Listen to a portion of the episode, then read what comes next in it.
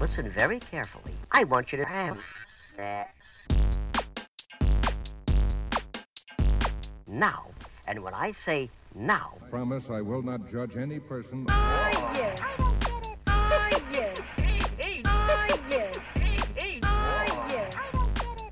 Cześć, z tej strony Nat, czyli Twoja zaufana sekspertka, a to jest Nat i Seks. Podcast o tym, że życie jest zbyt krótkie na kiepski seks. Odcinek 70. Muzeum Seksu w Nowym Jorku.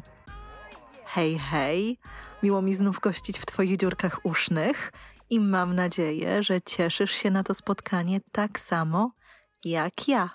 W dzisiejszym odcinku chciałabym opowiedzieć Ci o Muzeum Seksu w Nowym Jorku, ale nie tylko. Nie chodzi mi o to, aby ten odcinek był moją podróżniczą przechwałką, bo chciałabym też skorzystać z okazji do opowiedzenia, do pogadania trochę o koncepcie muzeów seksu. Dlatego, że na świecie jest ich kilka i też kilka takich wizyt mam na swoim koncie. I w zasadzie, zanim przejdę do opowieści nowojorskich, chciałabym w ogóle postawić takie pytanie: po co są muzea seksu? I czy Muzeum Seksu jako koncept w ogóle ma rację bytu? Bo zauważ, że seks to bardzo szerokie pojęcie, które może dla wielu osób obejmować naprawdę różne rzeczy. Pamiętam, jak kiedyś zapytałam moją społeczność, jak według osób czytających, oglądających powinno wyglądać, jaką wartość powinno dawać Muzeum Seksu. I odpowiedzi były bardzo różne, bo niektóre osoby oczekiwały od takich miejsc okazji do nakręcenia się, podniecenia się, ale też niektóre oczekiwały dowiedzenia się czegoś nowego, poznania jakiejś historii, poznania być może nowej perspektywy na seksualność i erotykę. I jak wiele potrzeb, tak wiele pewnie mamy oczekiwań, jeżeli chodzi o odwiedziny w muzeach seksu. I Pierwsze, co przychodzi mi do głowy, to muzeum, które odwiedziłam, nie pamiętam czy jako pierwsze, czy jako drugie, natomiast było to muzeum w Pradze. Muzeum nazywa się Muzeum Maszyn Erotycznych i jest oczywiście umiejscowione w dzielnicy turystycznej. I według mnie to czeskie muzeum jest właśnie takim przykładem tego, co może pójść nie tak. Dlatego, że w tym muzeum jest bardzo dużo, wydaje mi się, przypadkowych artefaktów, przypadkowych przedmiotów, które tak naprawdę nie tworzą jakiejś całości, nie tworzą jakiejś podróży poprzez różne rodzaje erotycznej ekspresji, natomiast są zgromadzeniem i ja bym to nazwała osobliwości, czyli pewnych rzeczy, które być może mają szokować, które być może mają nas w jakiś sposób zaskakiwać, co niekoniecznie jest, myślę, dobrym kierunkiem. Dlatego, że gdy do takiego muzeum przychodzą osoby, które być może na co dzień nie funkcjonują w świecie, w zawodach związanych z seksualnością, być może mają dość klasyczną formę ekspresji seksualnej, gdy stykają się z niektórymi obrazami, z niektórymi przedmiotami, typu właśnie maszyny do seksu, akcesoria erotyczne, ale też obrazy osób realizujących swój fetysz, mogą nabrać takiego przekonania, a właściwie wzmocnić się w przekonaniu, że ta tradycyjna forma ekspresji seksualnej jest tą dobrą, a cała reszta to jakiś taki freak show. Myślę, że słabością tego rodzaju muzeów i tego rodzaju ekspozycji jest to, że pozbawione są kontekstu, pozbawione są pewnego komentarza kuratorskiego, który przeprowadzałby nas przez historię na przykład danych praktyk, który pokazywałby, co może ludzi w nich kręcić, jak to jest realizowane, jakie jest w ogóle tło pewnych praktyk seksualnych. Bo gdy ktoś zupełnie bez kontekstu widzi na przykład niektóre sceny kinkowe, niektóre sceny związane z BDSM, może nabrać błędnego przekonania, że w zasadzie to jest wyłącznie przemoc i nic innego, nie mając świadomości, jak wiele ustaleń odbywa się że tak powiem, za kulisami i jak duża jest presja, aby praktyki odbywały się w sposób całkowicie świadomy i całkowicie konsensualny, a także z uświadomieniem sobie ryzyka. To. Pozwól jednak, że wrócę do kwestii seksu w Muzeum Seksu. No bo zauważmy, że seks to jest bardzo szeroki parasol. Jest to pojęcie, które zawiera w sobie bardzo dużo elementów. To może być zarówno erotyka, to może być zarówno polityka seksualna, to może być zdrowie reprodukcyjne, to może być anatomia seksualna, to może być kwestia tożsamości, to może być też kwestia bardzo wielu rodzajów ekspresji seksualnej. Musimy więc zadać sobie pytanie, czy możliwe jest stworzenie muzeum, stworzenie miejsca fizycznej przestrzeni, która pomieści wszystkie te elementy albo która nada im należytą uwagę. Według mnie nie.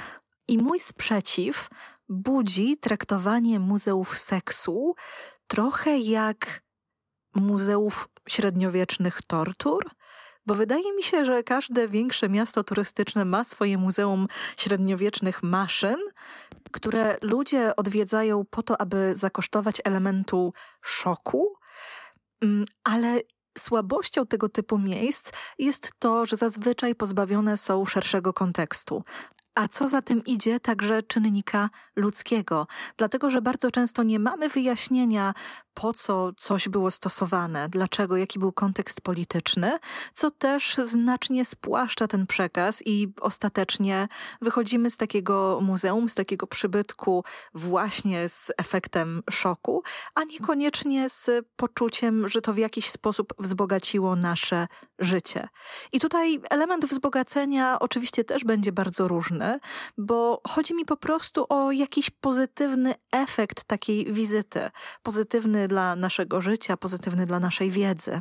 I to tak naprawdę jest opowieść o wartości dodanej, czyli co dane miejsce, w jaki sposób wzbogaciło moje życie, a nie tylko wypchało kieszenie komuś, kto to miejsce zorganizował i zbudował.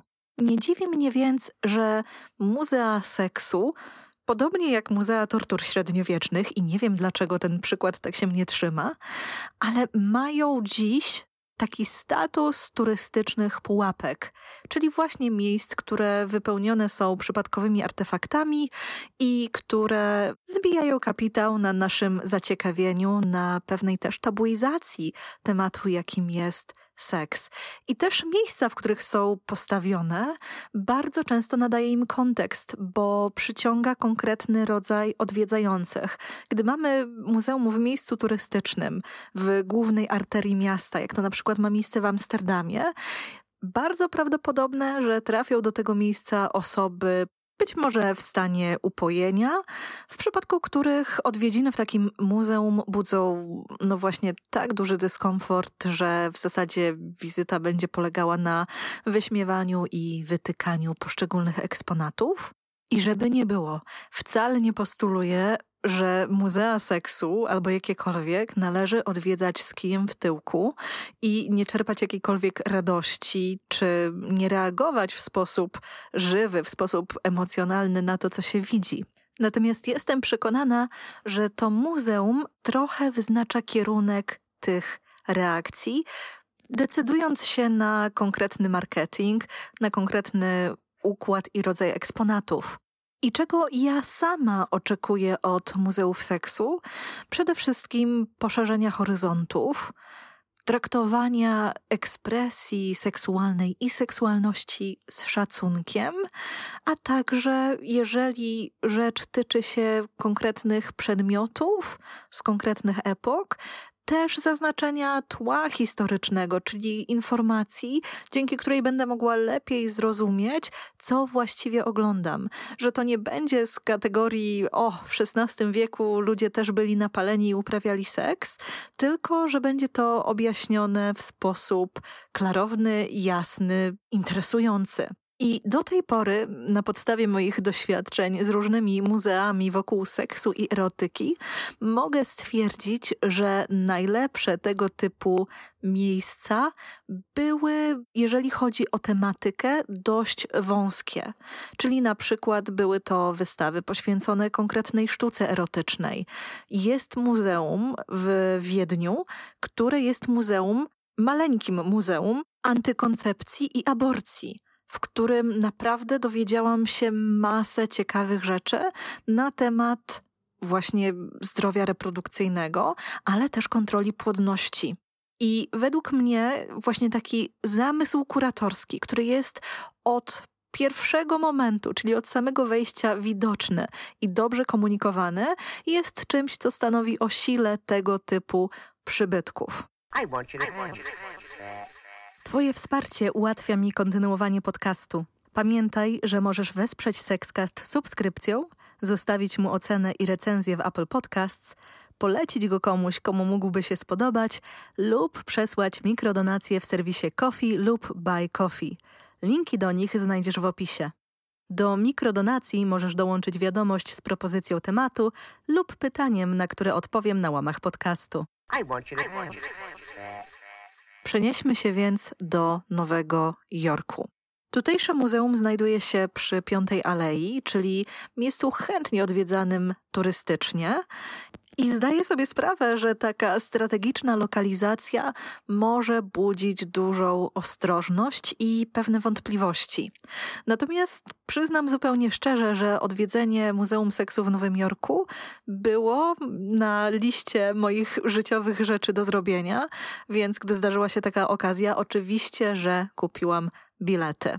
I jeżeli chodzi o bilety, to no nie jest to tania impreza, dlatego że za dwie osoby zapłaciłam nieco ponad 80 dolarów amerykańskich, co jakoś bardzo nie odbiega od ceny wielu atrakcji Nowego Jorku. Natomiast jest oczywiście ceną pewnie dość zaporową, gdy nie wie się, czego się do końca spodziewać, odwiedzając to miejsce. I w dniu odwiedzin muzeum zapytałam na Instagramowym Stories, czy według osób mnie obserwujących to muzeum to wartościowa rozrywka, pułapka turystyczna, czy może coś pomiędzy. I większość osób odpowiedziała, że zapewne jest to coś pomiędzy. I ja oczywiście, znając odpowiedź, będąc w tym muzeum, muszę się z tym zgodzić. Zresztą taka ciekawostka, bo gdy kupuje się bilet do Muzeum Seksu, aby go aktywować, trzeba podpisać taką NDA, taki dokument, że w przypadku uszkodzenia ciała, złapania jakiejś choroby czy nawet śmierci nie będzie się pozywać, nie pozwie się, nie pociągnie się do odpowiedzialności muzeum, jeżeli takie coś zdarzy się w wyniku wizyty. I oczywiście to może budzić pewną wątpliwość osób odwiedzających. Ja też poniekąd rozumiem, bo kultura prawna Stanów Zjednoczonych jest dość skomplikowana, natomiast to też ma związek z jedną z części muzeum, jaką jest Super Fun Land. Ale o niej za chwilę, bo wrócę do tematu, dlaczego Muzeum Seksu jest czymś pomiędzy turystyczną pułapką a wartościową rozrywką, a wartościową, ciekawą rozrywką. Mianowicie dlatego, że tam, gdzie pojawia się właśnie hasło muzeum, seks, Myślę, że powinna pojawić się czujność. Też sama lokalizacja wskazuje, że jest to miejsce nastawione być może głównie na ruch turystyczny, tylko musimy pamiętać, że to muzeum istnieje od niemal 20 lat. I przez te 20 lat zrealizowało kilkadziesiąt wystaw czasowych i myślę, że to też stanowi o jego sile, że tutaj nie mamy stałej ekspozycji, tylko mamy właśnie zmieniające się wystawy czasowe. Natomiast oczywiście to też zależy i nasze doświadczenie, nasze przeżycia związane z wizytą będą zależeć od tego, na jaki okres i na jaką kolekcję trafimy. Co wzbudziło moją wątpliwość, to to, że O, może zacznę od w ogóle momentu wejścia. Dlatego, że przezornie i jak to zwykle mam w zwyczaju, wybrałam poniedziałek, to był chyba poniedziałek, na dzień wizyty i to na dodatek pierwszy dostępny termin, pierwszą dostępną godzinę tuż po otwarciu, wiedząc, że najpewniej będzie wtedy najmniej odwiedzających. Ja też lubię swój komfort, kiedy odwiedzam muzea i staram się w ten sposób celować. I Oznaczało to, że mm, razem z moim partnerem, bo byliśmy we dwójkę, ustawiliśmy się przed muzeum razem z kilkoma innymi odwiedzającymi, głównie parami. To też jest e, dość ciekawe, że właśnie ten typ rozrywki jest kierowany głównie do par, do dwójek. I Ustawiliśmy się, czekaliśmy na otwarcie i pracownik, który otwierał drzwi, powitał nas i teraz chyba dobrze pamiętam, że było to Good afternoon, you sexy fuckers, czyli dzień dobry, seksowni jebacy. Nie wiem, jak to przetłumaczyć na polski.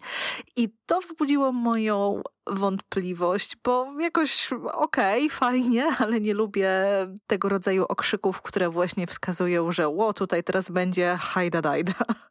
będzie się działo to wzbudziło taki mój lekki niesmak i on trochę mnie nie opuszczał podczas wizyty w pierwszej sali podczas oglądania pierwszej kolekcji, bo była to kolekcja, która dosłownie przeniosła mnie do wszystkich muzeów seksu i erotyki, które odwiedziłam do tej pory, mianowicie zbiór przypadkowych przedmiotów bez ładu i składu, które w jakiś sposób powiązane są z seksem.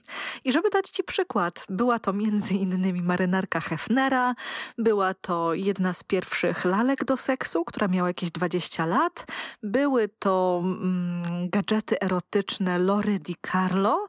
Wydaje mi się, że ona też ma jakiś związek z tym muzeum, więc nic dziwnego, że produkty tej marki były wybrane.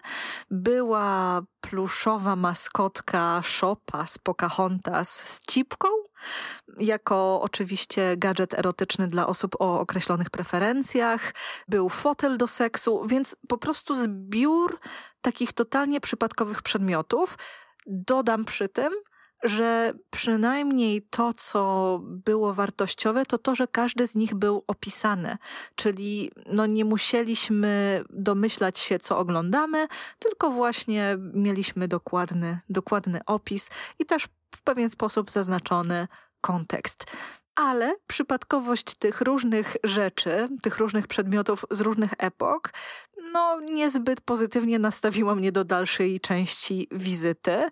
I myślałam sobie, że jeżeli to muzeum ma tak wyglądać, to w sumie kasa zmarnowana, czas i pieniądze wyrzucone w błoto i być może nic z tego nie będzie.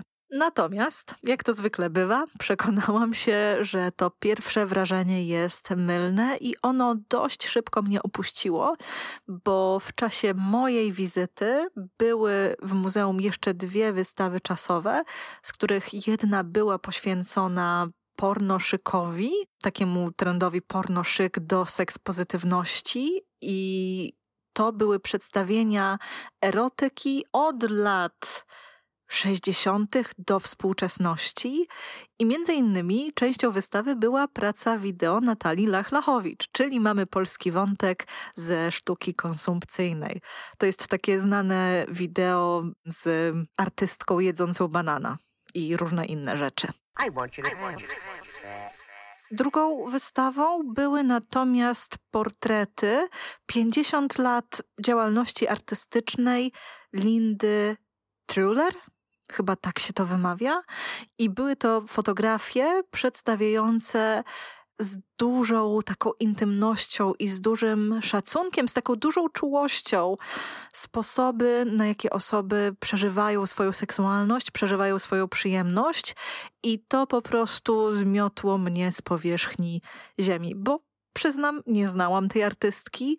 Dzięki tej wystawie poznałam bardzo ciekawe prace, przedstawiające naprawdę różnorodne ciała, osoby w różnym wieku i sposoby, na jakie przeżywają swoją seksualność. I to dla mnie było takie bardzo, bardzo otwierające.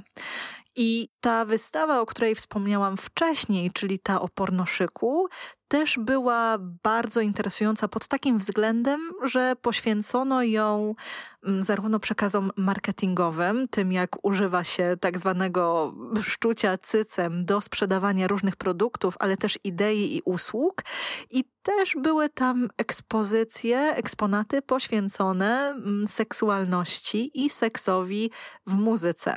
I praca kuratorska w każdą z tych wystaw, również tę wystawę, która mi się nie podobała, była ogromna. I było widać, że zostały te wystawy przygotowane przez osoby, które mają ogromną pasję do historii seksualności w różnych kontekstach Zresztą samo muzeum ma bardzo imponujący zespół doradczy i radę kuratorską, które zapewne stoją za tym, jak to muzeum wygląda dzisiaj i też poniekąd wpływają na kształt wystaw, na to, co jest pokazywane. Częścią muzeum którą też kończy się wizyta, jest Super Fun Land.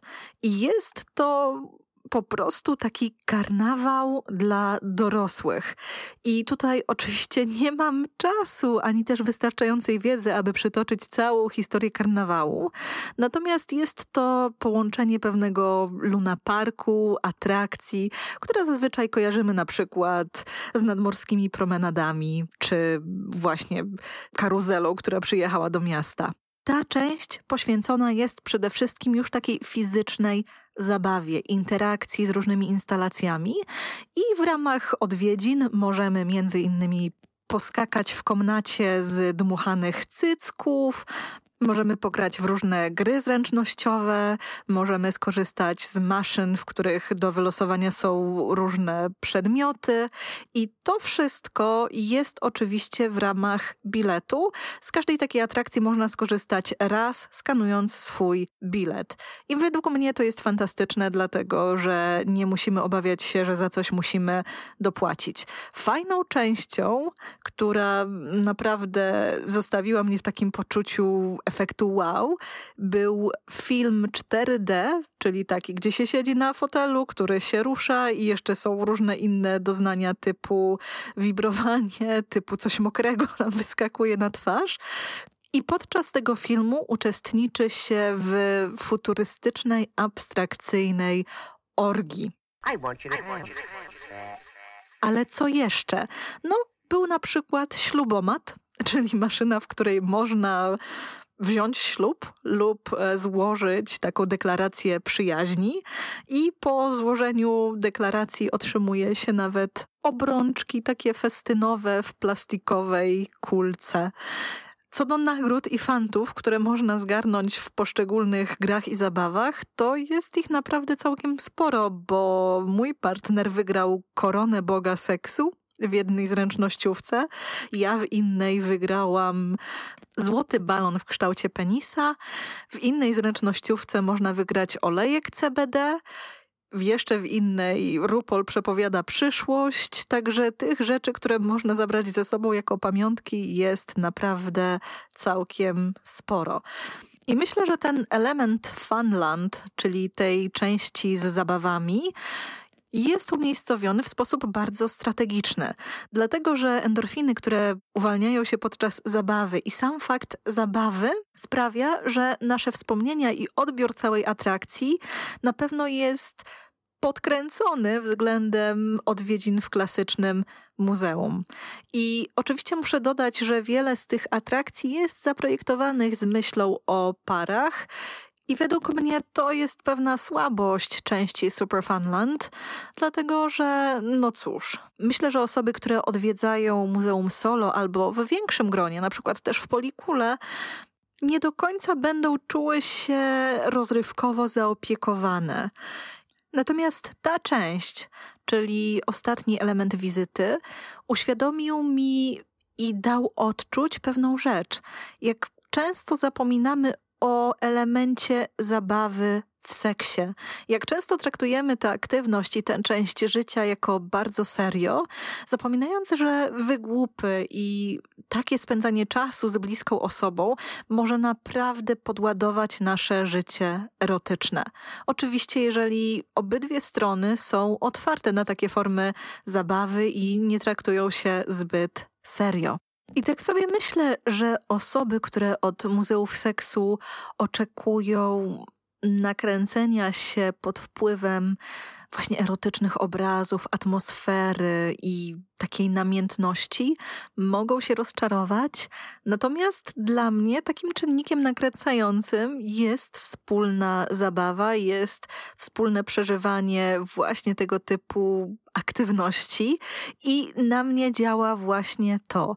Bo przyznam szczerze, że przecież jako ludzie różnimy się od siebie i dość trudno nakręcić mnie właśnie taką zmysłową atmosferą. Bo ja po prostu pożądanie znajduję chyba trochę gdzie indziej. Myślę, że tym, co pomogło mi cieszyć się wizytą w nowojorskim Muzeum Seksu, był brak wygórowanych oczekiwań. Miałam w pamięci inne muzea seksu i erotyki, które odwiedziłam w swoim życiu, więc myślałam albo miałam takie przekonanie, że gorzej raczej nie będzie. I myślę, że ta otwartość, z którą odwiedziłam to miejsce, sprawiła, że mój odbiór był i nadal jest pozytywny, a ta część karnawałowa naprawdę sprawia, że to muzeum i ta wizyta pozostanie w mojej pamięci na długo. Pytanie, czy warto? To zależy, czego każda osoba oczekuje od tego typu przybytków. Natomiast jeśli mogę coś doradzić, to będzie to kupno biletów z wyprzedzeniem, zarezerwowanie ich online i najlepiej na dzień powszedni, kiedy możemy spodziewać się mniejszej liczby odwiedzających. Chyba, że ktoś w tłumie czuje się świetnie, to absolutnie droga wolna. Tylko wówczas dostęp do niektórych atrakcji i czas oczekiwania może być utrudniony i wydłużone. A jeżeli zależy nam na czasie, aby pozwiedzać też inne miejsca, doświadczyć innych rzeczy, to ta rada myślę będzie dość użyteczna. Odwiedziny w tego typu muzeum były dla mnie przykładem etycznej i innej wizji seksturystyki, erotycznego podróżowania, bo nie ukrywam, że element poznawania lokalnej kultury seksualnej, również przez tego typu przybytki jest dla mnie czymś bardzo ważnym, kiedy wyjeżdżam, więc absolutnie nie żałuję tego doświadczenia. Nie żałuję przeznaczonych na niego środków i czasu, który tam spędziłam, a myślę, że w ostatecznym rozrachunku to jest najważniejsze. Tym samym życzę Ci wszystkiego seksownego i zachęcam Cię do własnych seksualnych peregrynacji. Do usłyszenia już wkrótce. Pa!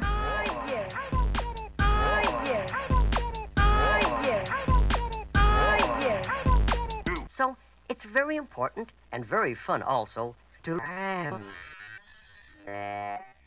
Now,